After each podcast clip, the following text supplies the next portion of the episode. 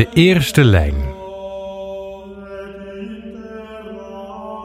In het voorjaar van het jaar 591 dicteerde paus Gregorius I aan zijn scribent een brief. De scribent zat achter een kamerscherm, zodat hij zich volledig kon concentreren op wat hem werd gedicteerd. De paus was een tijdje stil en gebood de scribent notenpapier te pakken en de melodie op te schrijven die de paus voorzong.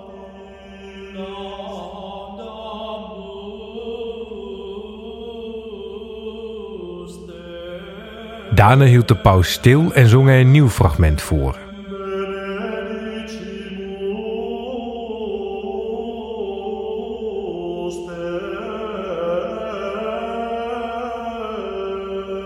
De scribent noteerde vlijtig wat hem werd voorgezongen en wachtte geduldig op het volgende fragment. Toen hij wel heel lang moest wachten, spiekte hij om het kamerscherm en zag hij een witte duif zitten op de schouder van de paus.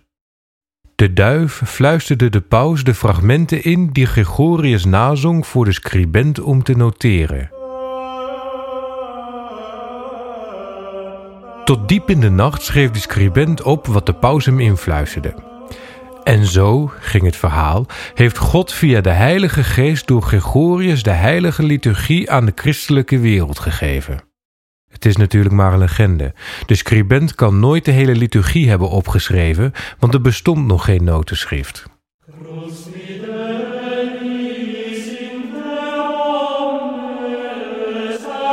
In de negende eeuw verzuchtte de monnik Hucbald van Saint-Amand dat we tonen net zo moeten kunnen opschrijven zoals we woorden opschrijven. Het klinkt nu misschien logisch, maar in die tijd was er geen manier om dat te doen. De oude Grieken hadden wel een systeem om muziek te noteren, maar dat werkte alleen als geheugensteun voor muziek die je al kent. Je kon er geen nieuwe muziek mee leren. Net zoals je bijvoorbeeld een nieuwe liedtekst hebt, dat gaat op de wijs van. Daar moet je de muziek ook van kennen. Ken je de muziek niet, heb je weinig aan de tekst. In Zwitserland was een notatiesysteem ontstaan dat Nuimen werd genoemd. Boven de tekst stonden schuine streepjes die omhoog of naar beneden wezen en zo de zangrichting aangaven. Maar voor Hucbald was dat niet precies genoeg. Hucbald wilde een absoluut systeem waarbij geen discussie kon zijn welke toon werd bedoeld. Die nuimen konden alleen worden gebruikt als geheugensteun. Het aanleren van nieuwe gezangen ging alsnog door voor- en nazingen. Als je bedenkt dat er zeker vijf gebeden per dag waren en elk gebed eigen gezangen heeft, is het niet verwonderlijk dat het uit het hoofd leren van de hele liturgie een heel leven kon duren. Als dat leven tenminste niet vroegtijdig werd beëindigd door pest of hongersnood. Hucbald stelde voor om boven de nuimen gekantelde en gespiegelde Griekse tekens te schrijven, waaruit de absolute toonhoogte zou moeten blijken.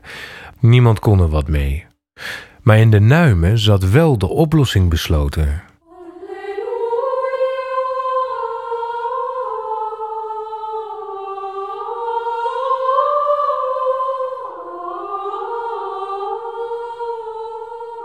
Een systeem van lijntjes en streepjes die omhoog en naar beneden wijzen is wel heel globaal.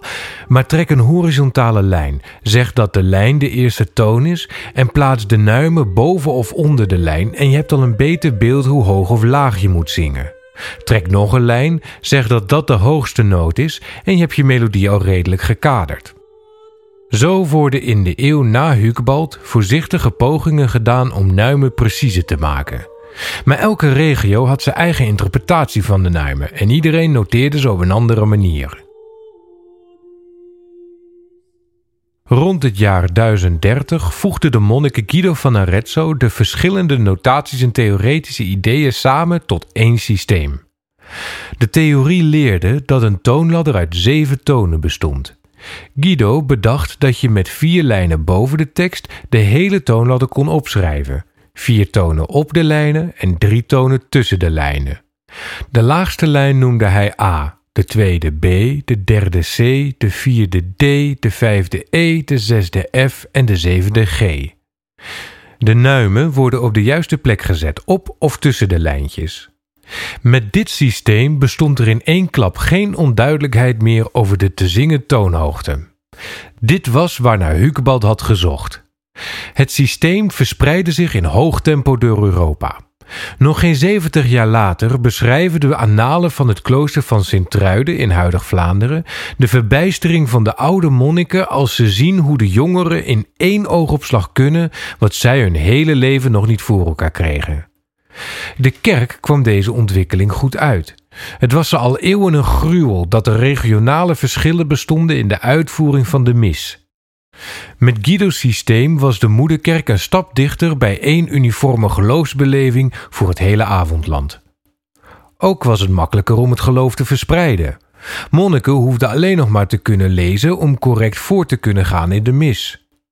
In de 11e eeuw klaagde een Duitse theoreticus dat niemand nog de subtiele verfraaiingen van de oude Gregoriaanse gezangen beheerste. Die verfraaiingen zijn voor altijd verloren gegaan. We hebben geen idee hoe de Gallische gezangen van Frankrijk klonken of de Keltische gezangen van Ierland. Maar wat er voor in de plaats zou komen, was volkomen uniek voor het Westen: meerstemmigheid. Monniken zongen niet langer samen één melodie, maar doordat het nu mogelijk was om toonhoogte precies op te schrijven en te lezen, werd het mogelijk om verschillende melodieën tegelijk te zingen. Muziek werd meerstemmig.